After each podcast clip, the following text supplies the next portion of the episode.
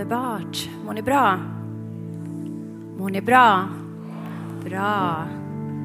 Idag är en bra dag. Titta på din granne och säg idag är en bra dag. Och så tittar du till din andra sida så säger du idag ska Herren tala till dig. Underbart. Man börjar prata om annat. Jag sa bara något när jag ska. Men eh, jag heter Anna Fenerström Eh, och eh, är ledare här i församlingen, en av pastorerna. Och eh, du har kommit till mitt vardagsrum. Och jag vill ha ett så här stort vardagsrum på riktigt så jag visualiserar.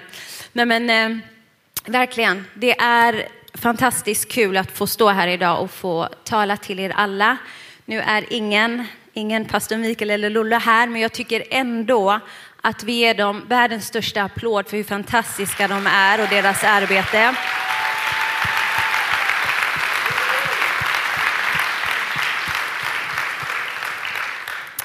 Vi älskar dem, eller hur?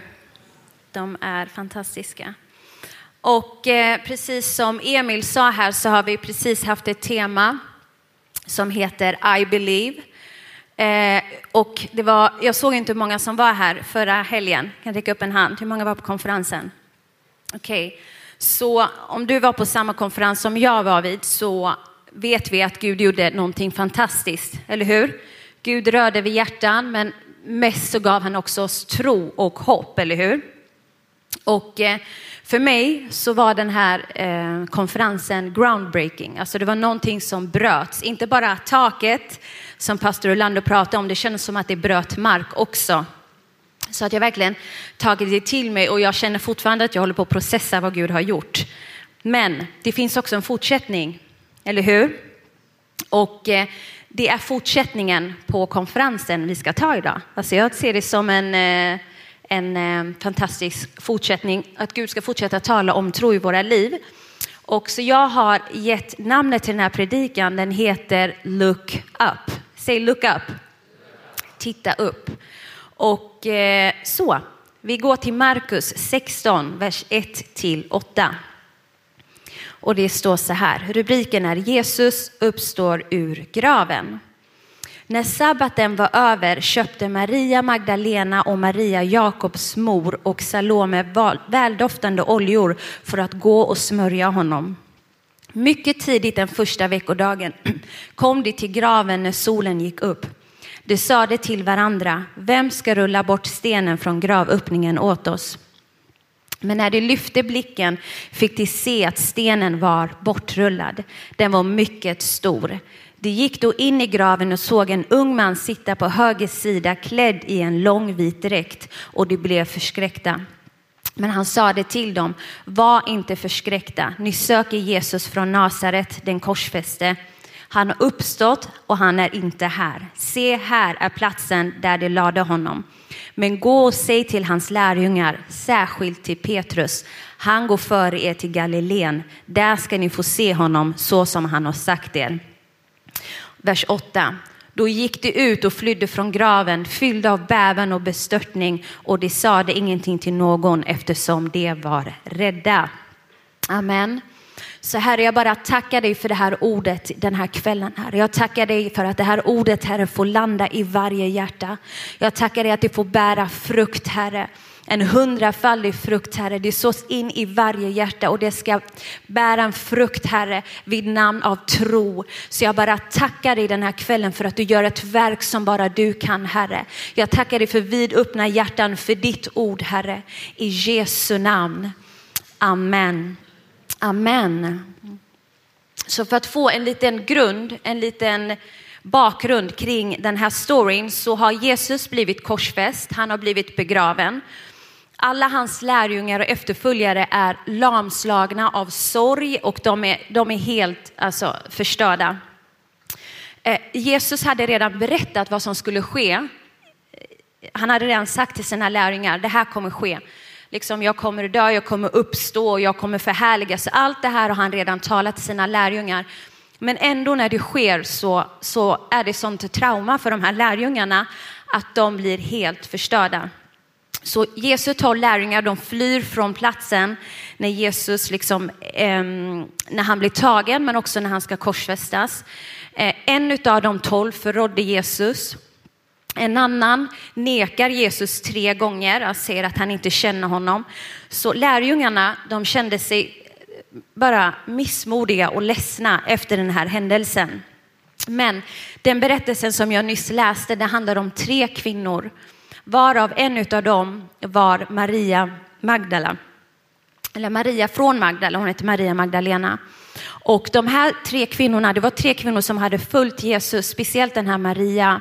Och eh, det står att eh, även hon var ju slagen. Hon har känt Jesus, hon har gått vid Jesus, hon har pratat med honom, hon har lärt känna honom, så hon var också i sorg. Men hon väljer att göra någonting annat av sin sorg. Den här kvinnan, hon väljer att, eh, att gå till Jesu grav istället. Och om man läser kring Maria så blev jag, jag blev så tagen av henne. Eh, det var en, en stark kvinna, det står att hon var välbärgad, hon hade, hon hade gott med pengar. Så hon brukade bekosta resesällskapet, alltså när Jesus reste med sina lärjungar så brukade Maria från Magdala, hon brukade eh, betala de här resorna. Så hon var en välbärgad kvinna eh, och eh, hon eh, älskade Jesus av hela sitt hjärta. Hon fanns vid korset när Jesus stod, när alla lärjungarna eh, skingrades och det bara var Johannes kvar vid korset, så var Maria där med honom när Johannes var där så var det hon som var där med honom. Och eh, precis som vi läste här innan så var hon också en av de här kvinnorna som efter sabbaten, söndag morgon, väljer att gå till Jesu begravningsplats för att smörja hans kropp med välluktande oljor. Hon var en sån kvinna som var vid Jesus sida hela tiden. Hon hade en tacksamhet i sitt hjärta. Hon älskade Jesus för det han hade gjort för henne. Därav ville hon tjäna honom med hela sitt liv. Och det är första punkten. Tacksamhet gör att vi får se mirakler. Nummer ett. Säg det efter mig. Tacksamhet gör att vi får se miraklet. Amen. Så den här kvinnan, hon är helt fantastisk. Hon hade en tacksamhet i sitt hjärta. Hon älskade honom. Och vet ni varför hon älskade honom? Det var inte för att han var bra på att predika eller för att han befriade människor. Vet ni, när hon var i sin plåga, hon, hon eh, plågades av sju orena demoner, onda andar som plågade henne och Jesus löste henne från vartenda demon. Och efter den stunden med Jesus, när hon fick det här mötet med honom, så gav hon honom hela sitt liv. Hon drevs av tacksamhet i allt hon gjorde så hon har alltid varit vid Jesus sida. Hon valde att alltid hålla sig nära sin frälsare. Det här är, det är så vackert. Jag tycker det är så fint när alla andra lämnar att hon är den som är kvar. Och då måste vi förstå, Jesu lärjungar hade sett långt mycket mer mirakler än vad Maria hade gjort. Så Jesus blir korsfäst eh, och det första hon tänker på då är att gå och smörja honom. Och vi måste förstå, när man läser ordet så står det att eh, första dagen i veckan, judisk sed, är det söndag. Så sabbat på lördag, hela sabbaten, då får man inte jobba enligt judisk sed. Eh, lördag kväll går hon direkt med sina väninnor. De går och betalar för den här dyrbara oljan som luktar fantastiskt, liksom välluktande oljor och hon spar det. Så fort det blir morgon, söndag morgon, innan solen har gått upp, så går hon med hennes två väninnor för att gå till graven för att smörja Jesu kropp. Hon kunde inte tänka på någonting annat. Och jag tänker så här, om du har haft en vilodag och du inte fått göra någonting. Jag är lite så här, eh, gillar inte att sitta still för länge, men jag vet att i mitt huvud så har jag en lista på vad jag behöver göra efter den här sabbaten är färdig. Och jag tänker på henne som inte får göra någonting och det enda som går i hennes huvud det är köpa välluktande oljor, gå och smörja Jesu kropp. Det är det enda som går i henne för att hon vill hedra Jesus för det han har gjort av tacksamhet för att han har löst henne från hennes plåga. Tänk dig om vi var sådana som bara tänkte på Jesus hela tiden. Och det som är så fint det är att Jesus var ju död hon skulle smörja hans döda kropp. Så egentligen kunde hon inte få någonting tillbaka. Varje gång hon hade tjänat honom innan så kanske han hade kunnat lägga händerna på henne eller välsigna henne. Men nu ville hon bara gå dit, bara för att hedra och visa tacksamhet. Och han hade inte ens kunnat säga tack tillbaka. Det visar hennes tillstånd och hennes hjärta. Så hon är på väg med sina vänner. Och, ehm, och som sagt, hon förväntar sig ingenting tillbaka. Hon förväntar sig inte ett mirakel när hon går med de här kliven mot den här graven. Hon har, hon har inte förväntat, hon har till och med glömt. Jag tror inte att hon tänker på att han har sagt att han ska uppstå, utan det enda hon tänker på, jag ska bara ta mig dit, jag ska bara visa min tacksamhet. Och, eh, och hon gör det. Och min första tanke medan jag läste det här var jag så här, jag älskar Jesus av hela mitt hjärta, men hur ofta visar jag tacksamhet? Och speglar min tacksamhet till Gud, speglar det hur jag lever mitt liv? Så kan Jesus se att jag är tacksam. Drivs jag som Maria gjorde av tacksamhet? Allt hon gjorde speglade att hon var tacksam gör allting jag gör i mitt liv, speglar det att jag är tacksam till Gud? Är jag tacksam för min frälsning? Är jag tacksam för att han dog på korset för min skull? Lever jag ett sånt liv som säger tack Jesus? Tacksamhet är en, en välsignelse och det är också en nyckel. Tacksamhet, det är någonting som rör vid Guds hjärta och det är också någonting som får hans hand i rörelse över våra liv. I Kolosserbrevet 2.6 står det så här. Liksom ni tyger mot Kristus Jesus som Herre, så lev i honom, rotade och uppbyggda i honom och grundade i tron i enlighet med den undervisning ni fått och låt er tacksamhet flöda över. Saltaren 9.2. Jag vill tacka Herren av hela mitt hjärta. Jag vill förkunna alla dina under. Guds ord, det här är bara två ord av flera, liksom flera ord i Bibeln. Men Gud talar ofta om tacksamhet. Att vi ska eh, lovprisa i tacksamhet. Vi ska få en ny sång ur vår, ur vår ande, ur, vår, ur vårt hjärta. Gud vill att vi ska leva i tacksamhet och det är någonting som rör vid Guds hjärta. Så tacksamhet är också någonting som gör att tvivel röjs undan. Eller hur? Men i det här fallet så får vi se att när Maria och hennes två väninnor går så slår det på. En tanke kommer till Maria. På vägen så ställer de sig frågan, vem ska rulla bort den här stenen från gravöppningen? Eh, vem ska rulla bort stenen för gravöppningen åt oss? Och de håller på och går, men jag älskar det här med dem för att hon fortsätter att gå. Jag bara tänkte så här, om man kontemplerar eller tänker mycket, en vanlig person jag, hade stannat hemma och beräknat, okej, okay, det är en sten för graven. Är det inte bättre att vänta tills någon har tagit bort den här stenen så kan jag komma och visa min tribute? Eller hur? Man går ju inte mot den platsen och så vet man att det är en sten för att man ska knacka på stenen och säga flytta på dig. Alltså, det, det, du måste förstå att medan de tänker att oj, det finns en sten här så fortsätter de att gå mot den här stenen. Hela hennes hjärta, återigen, hon drivs hela tiden av den här tacksamheten till Gud. Hon pratar om att det finns ett hinder, men hennes kliv visar någonting helt annat.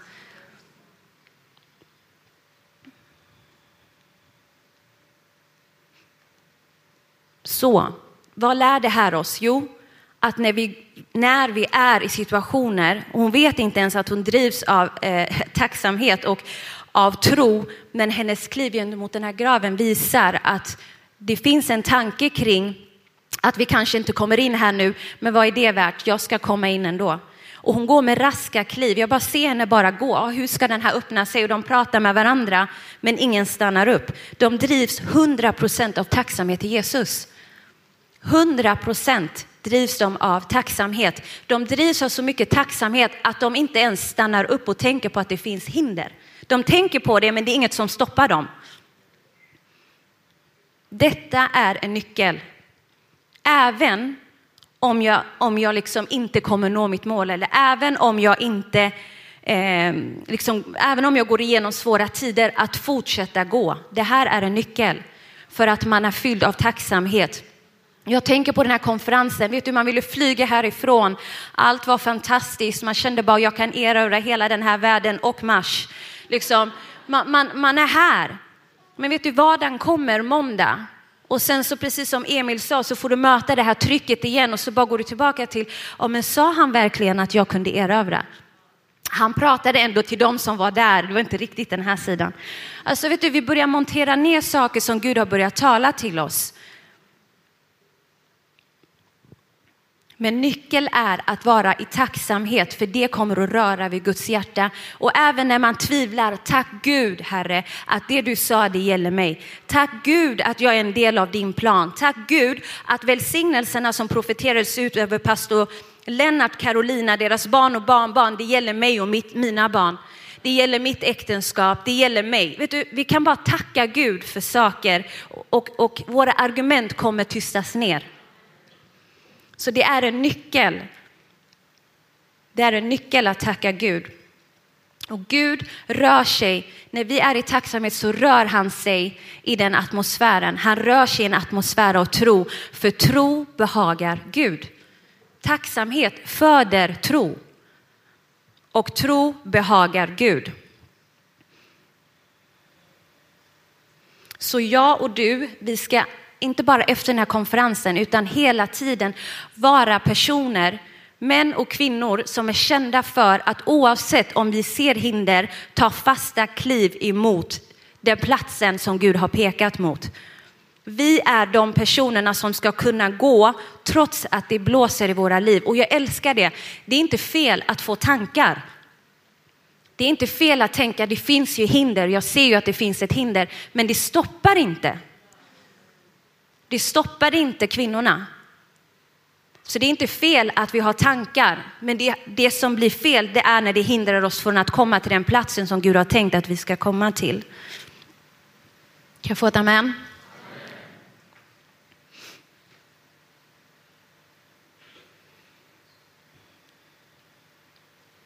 Så vi behöver förstå jag bara tänkte på det, om Maria och hennes väninnor inte har gått, hade gått mot den här platsen så hade de troligtvis missat det största miraklet i deras liv. Så om vi stannar upp och vi inte går fram när Gud har pekat mot en plats för att vi stannar upp och kontemplerar sönder tron så blir det att vi missar vårt mirakel. Och mirakler är det som föder tro. Tro är det som gör att jag går i, i, handling. Handling är det som gör att Gud förhärligas. Så jag missar en hel process av vad Gud vill göra i mitt liv.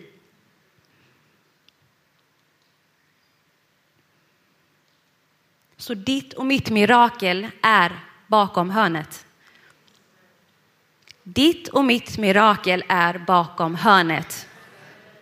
Vet ni, att vi fortsätter att gå, det är det som kommer göra att vi kommer få se det här miraklet. Och vi kanske bara är en vecka, en månad, ett år ifrån det miraklet, men vi ska fortsätta fram. Och vi kommer att komma till nästa nivå i vår gudsrelation för att vi har hållit fast vid det Gud har sagt att vi ska hålla fast vid. Amen. Amen. Det står i vers 4 när de har pratat och fortsatt så står det vers 4, för när de lyfte blicken fick de se att stenen var bortrullad. Den var mycket stor. Det tar oss till punkt 2. Lyft blicken. Säg lyft blicken. Titta på din granne och säg lyft blicken. Som att du menar det. Lyft blicken. Bra. Vi ska lyfta blicken. Vet ni, så fort de, de var i sina tankar av, av liksom, hur ska det här gå till och så fort de lyfter blicken så är miraklet redan färdigt. Det är det här jag älskar för att det vi har fått, miraklet är redan där. Allt som har talats ut från den här plattformen, det är att vi ska inta någonting nytt. Det är 90 dagar av kraft. Vi ska se familjer upprättas, vi ska se den här nationen, vi ska se stiften komma på plats. Vi bara hörde löfte efter löfte efter löfte och jag får ta det. Jag tar det som att jag har det, eller hur? Så att jag tar det och jag tror på det och jag lägger det i mitt hjärta. Jag bär det i mitt hjärta. Så jag behöver lyfta min blick och säga Gud, det är redan fullbordat. Jag ska bara tala. Jag ska tala ut det som är hela tiden.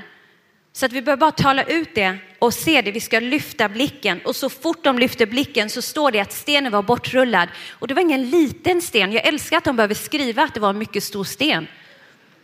Det är en så här viktig detalj. Vet du, Gud vill inte göra små mirakler i ditt liv. Han vill ge dig stora mirakler. Varför? För att han vill ge dig stor tro. Och får du stor tro så kommer du göra stora gärningar och då får Gud stor ära. Vet du, Gud är en mäktig Gud.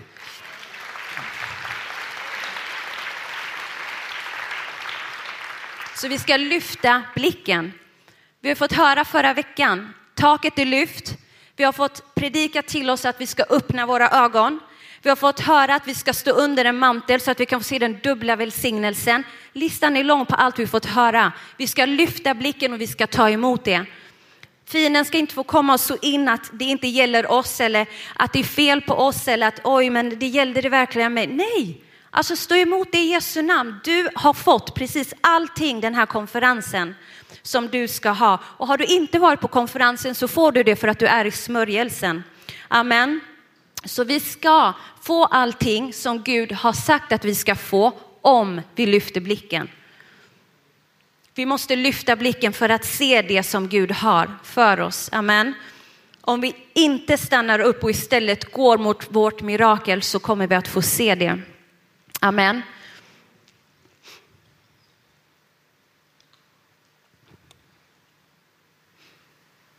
Och jag älskar det, jag brukar älska att läsa kring ord. Du vet man läser sönder ett ord.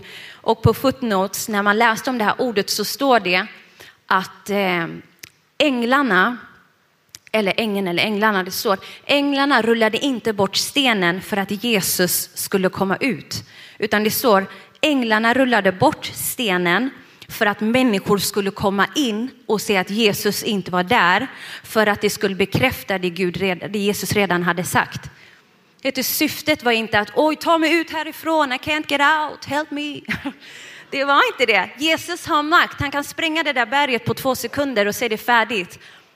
Men för att miraklet skulle bli ett mirakel, för att Gud skulle bli förhärligad, så rullades det fint bort. Man vek kläderna lite extra fint vid kudden för att han skulle bli förhärligad.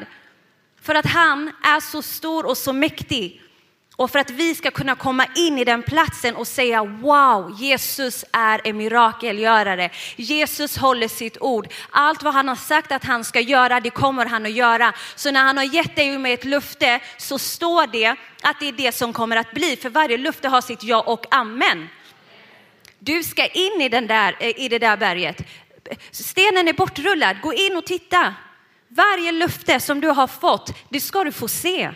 Så om du är här och du längtar efter att någon ska bli frälst eller ett syskon eller en familj eller att du är sjuk. Du ska få se ditt mirakel för att Gud har sagt att det är ett ja, amen till det löftet. Amen. Du måste ta det i tro. Tro är avgörande. Amen. Amen. amen. Tack. Nu. Nu. Men Gud är en mirakelgörare. Gud kommer att göra allt vad han har sagt att han ska göra. Så miraklet tar vi till oss och i allt, i allt vill jag bara säga, även om det är tufft nu, jag vet inte vad du är i, vi alla är i olika säsonger, vi är i olika perioder allihop. Men håll ut, för det här kommer föra dig på en nästa nivå av tro. Det, allt är en del av din process, allt är en del av din story. Allt det du är i nu kommer en dag vara ditt vittnesbörd. Allt. En dag kommer du stå och tala om det här för någon annan som är i precis vad du är i nu. Gud har en tanke med allting, men vi ska, inte, vi ska inte ge upp. Vi ska lyfta blicken. Vi ska lyfta blicken i tacksamhet och vi kommer få se att vår sten är bortrullad. Amen.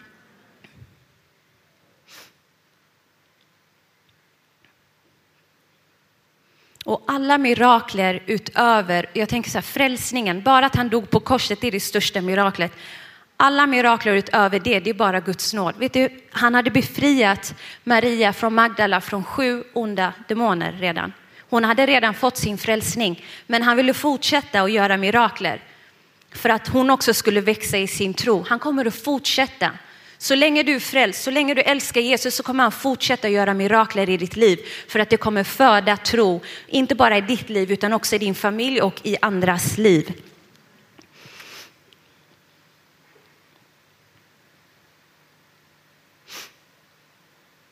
Så Gud kommer att fortsätta visa sin godhet och fortsätta visa sina mirakelkrafter genom oss men också i oss. Så vi ser hur lång tacksamheten tog Maria. Om du bara är tacksam och vi inte velar fram och tillbaka med vår tacksamhet så tror jag att det finns ingen gräns på hur långt Gud kan ta oss. Om vi bara bestämmer oss idag och säger hela den här veckan ska jag bara tacka. Jag ska inte klaga, jag ska inte sucka, jag ska bara tacka Gud. I svåra tider tacka Gud, i sorg tacka Gud, i glädje tacka Gud. Jag tror att vi kommer få se något helt annat över våra liv. För att det kommer föda fram våra mirakler. För det föder tro. Och den tredje punkten, det är att bejaka och göra anspråk på miraklerna. Jag kan få pianot det är att bejaka och göra anspråk på miraklerna. I Markus 16, vers 9 står det så här. När Jesus hade uppstått på första, eh, på första veckodagens morgon visade han sig först för Maria Magdalena som, hade, som han hade befriat från sju onda andar. Han gick och berättade för dem som hade varit med honom och som nu sörjde och grät. Eh, men när de fick höra att han levde och att hon hade sett honom trodde de inte på det. Sedan visade sig en annan gestalt för två, av, för två av dem som var på väg ut på landet. De gick också och berättade för de andra, men inte heller de blev trodda. Vers 14. Till slut visade han sig för de elva när de låg till bots och han klandrade dem för deras otro och deras hårda hjärtan eftersom de inte hade trott på dem som sett honom uppstånden. Och det här tycker jag är våldsamt starkt. Maria och hennes vänner fick se miraklet Okay. De fick se mirakler för att de tog kliv gentemot den platsen som Gud hade pekat mot. Men Jesu lärjungar, de som har fått mest tid med honom, de som har sett honom hela, blinda, sjuka, lama, de var de som inte var på plats. Och trots att det skickades person efter person för att säga till lärjungarna att hallå, Jesus lever, jag har träffat Jesus, så vägrar de att tro på det trots att de hade hört att Jesus redan hade berättat för dem vad som skulle ske. Vet ni, när vi är i otro, när vi är i vår bubbla av sorg eller frustration eller vad det nu än är vi går igenom, vi kan missa vad Gud vill säga. Det skickades, alltså lärjungarna, det var de som var bundisar med Jesus. Det var de som han gav extra tid till. Det var de som fick one-on-one-sen. Det var de som han sa kom vi drar oss undan så att ni kan höra mig. Det var de som, som han inte talade till lik, i liknelser till utan han talade klarspråk med de lärjungarna. Det var de som var med honom nästan dag och natt i tre års tid. Vart var lärjungarna? Vart befann sig lärjungarna? Varför var det Maria från Magdala som var hon och hennes väninnor som går och köper de här dyra välluktande oljorna för att gå och smörja kroppen? Varför var inte lärjungarna där? Vart befann sig lärjungarna? Jo, det står att de var och delade bröd. De satt runt ett bord i sin sorg. Och trots att det kommer, Maria kommer dit och säger, jag har träffat frälsaren. Han är upp, han är upp, eh, det, uppstånden, han lever. Vi tror inte på dig. Och så kommer de här två andra männen. Vi har träffat mästaren, vi har träffat frälsaren. Vi tror inte på dig. Vet ni, vi kan missa allt som har talats förra helgen. Vi kan missa vartenda predikan. Varje gång du öppnar din bibel kan vi missa vad Gud vill säga för att vi är så uppe i vårt egna att vi inte hör när Gud vill tala till oss trots att vi har känt Jesus en gång i tiden. Vi vill inte missa Jesus. Jag vill inte missa Jesus. Jag vill höra honom. Jag vill höra hans röst. Så du kanske är i någonting, du kanske är i en egen process i ditt liv. Du kanske går igenom någonting och vet ni, med all rätt. Varje lärjunge som satt där, jag förstår Petrus. Jag hade också gråtit. Och jag hade också velat hoppa från ett berg någonstans om jag hade hamnat i det läget. Och jag kan säga så för jag kan relatera till Petrus. Men alltså, jag förstår att man hade ångest. Jag förstår att det var tufft. Jag förstår allt det här. Men man gick under så pass mycket att man inte ens märkte när man fick höra det, det ordet som man redan hade fått höra av Jesus själv. Att det står att Jesus själv fick komma in till den platsen och korrigera sina lärjungar för att de var så hårdnackade och hade så hårt hjärta att de inte ens kunde se honom.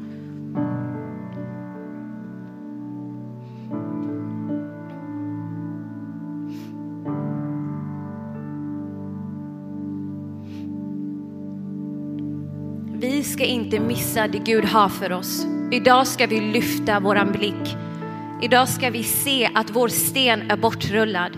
Idag ska vi i tacksamhet komma inför Gud och säga, vet du Gud, jag kan inte se mitt mirakel än, men jag tror på dig.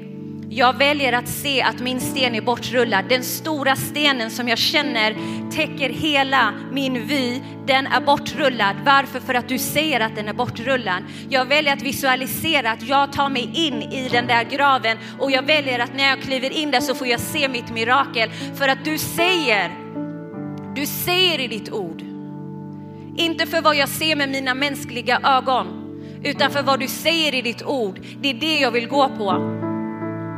Antingen så väljer jag att ta varje löfte som talades ut här förra helgen som mitt. Eller så får jag släppa det. Men jag väljer att ta det. Vi måste välja att ta det, för vi kommer inte se mirakler över våra liv om vi inte väljer att gå i tro på det Gud också säger.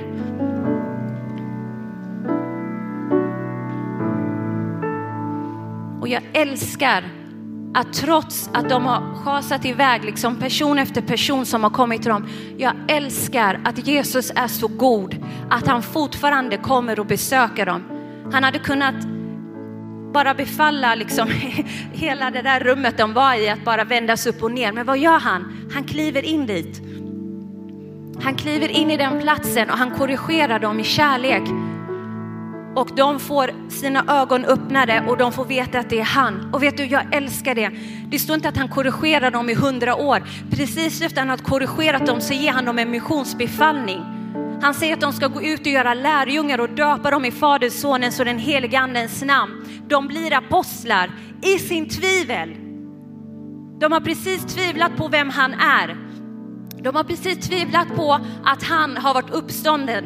De har precis tvivlat på alla de här personerna som har kommit före. Men vet du, Jesus ser inte det. Han ser dig som en potentiell ledare, som en potentiell politiker, som en potentiell person som kommer göra skillnad. Det är vad Jesus ser när han ser dig. Men vi måste tro på att jag är den personen som han har kallat i den här tiden.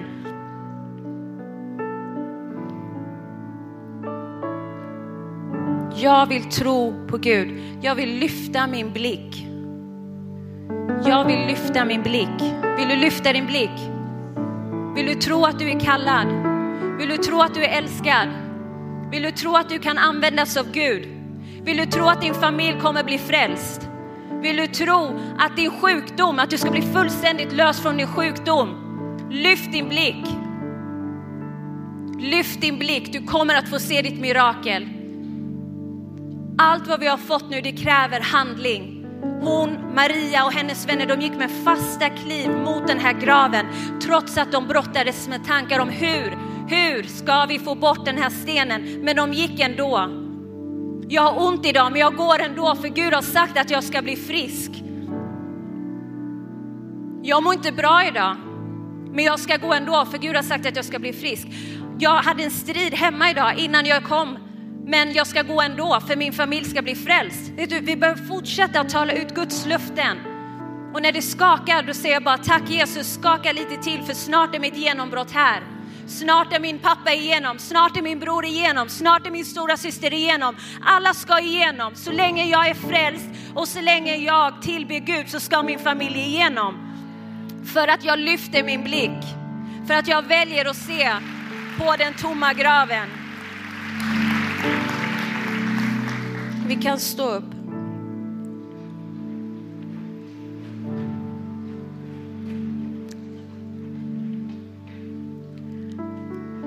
All tro kräver handling. Och jag vet inte vad du har varit i den här veckan, men jag förstår att det har varit kamper säkert att behålla det som Gud har talat till oss om förra veckan. Men vi ska lyfta blicken Amen. Och vi ska ta emot. Vi ska, vi ska ta emot alla välsignelser och alla mirakler. Vi ska få se allt det i våra liv. Vi ska hålla upp vår tro. Och vi ska inte gå in som lärjungarna gjorde, låsa in oss någonstans och sitta och kontemplera och, och slicka våra egna sår. Nu är tiden att resa sig. Vet du, du behövs. Sverige behöver dig. Där du jobbar just nu, du kanske är en person som ingen ens vet vem du är eller vad du heter. Du behövs på ditt jobb. I den klassen du går där du studerar, du behövs där. Om du är en resurs för en elev, du behövs för den eleven. Om du är ung och du går i klass och du har klasskompisar, du behövs. Just du behövs för din klass.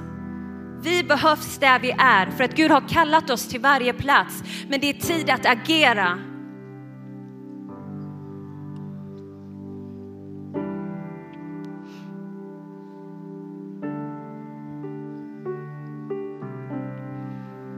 Och du kanske känner så här, vet du vad, jag, hur ska jag tro för allt annat? Hur ska jag tro? Jag kan inte ens tro för mitt eget egna liv. Vet du, du ska få tro för ditt egna liv. Om det du har brottats med har varit självbild eller tankar eller ekonomisk brist, oavsett vad det är, även för dig, lyft din blick och välj att se på miraklerna. Välj att se på Guds luften för ditt liv. Det första miraklet som Maria från Magdala fick, det var att hon blev fullständigt befriad. Det var hennes första mirakel. Och för att hon lärde känna Gud så fick hon se honom göra mer mirakler, mer mirakler och mer mirakler. Vet du, det första miraklet jag fick, det var att jag blev frälst och fick ta emot Jesus som min frälsare och Herre. Det var mitt första mirakel. Så du ska få en chans, om alla bara sänker sina huvuden. Du kanske är här idag och du, som jag sa, du kanske inte, du kanske inte känner Gud. Eller så har du känt Gud och kommit ifrån Gud. Det här är din tid. Vet du, du kommer få en chans att få be frälsningsbön tillsammans med oss här. Och om det har varit så att du kanske en gång i tiden har känt Gud men du har kommit ifrån Gud. Jag tror att Gud säger till dig också idag, lyft din blick min dotter, lyft din blick min son. Jag vill göra mirakler i ditt liv.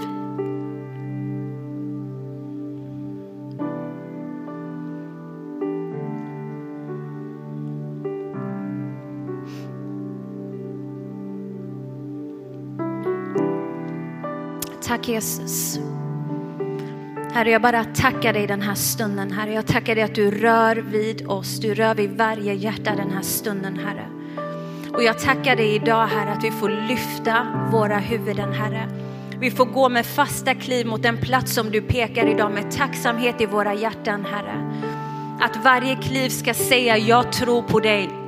Varje steg ska säga du ska fullborda miraklet. Varje ord får säga jag förtröstar på dig.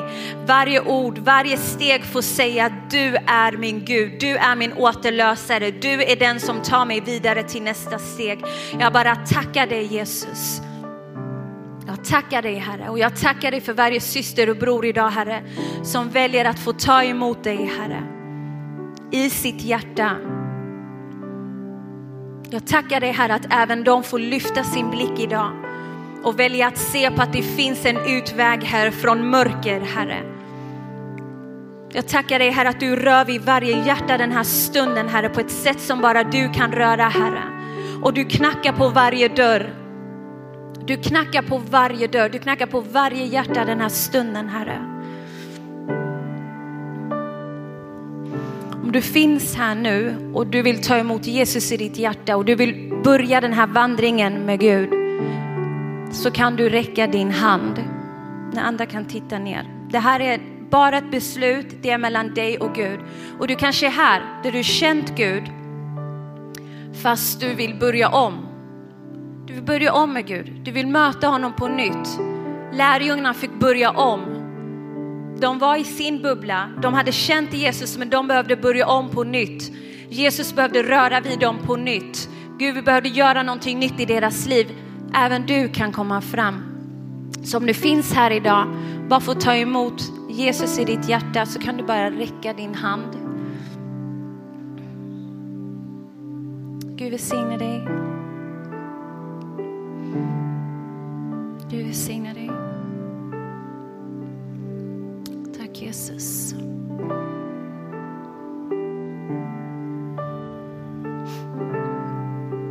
Jesus vill röra vid ditt liv. Han vill röra vid dig.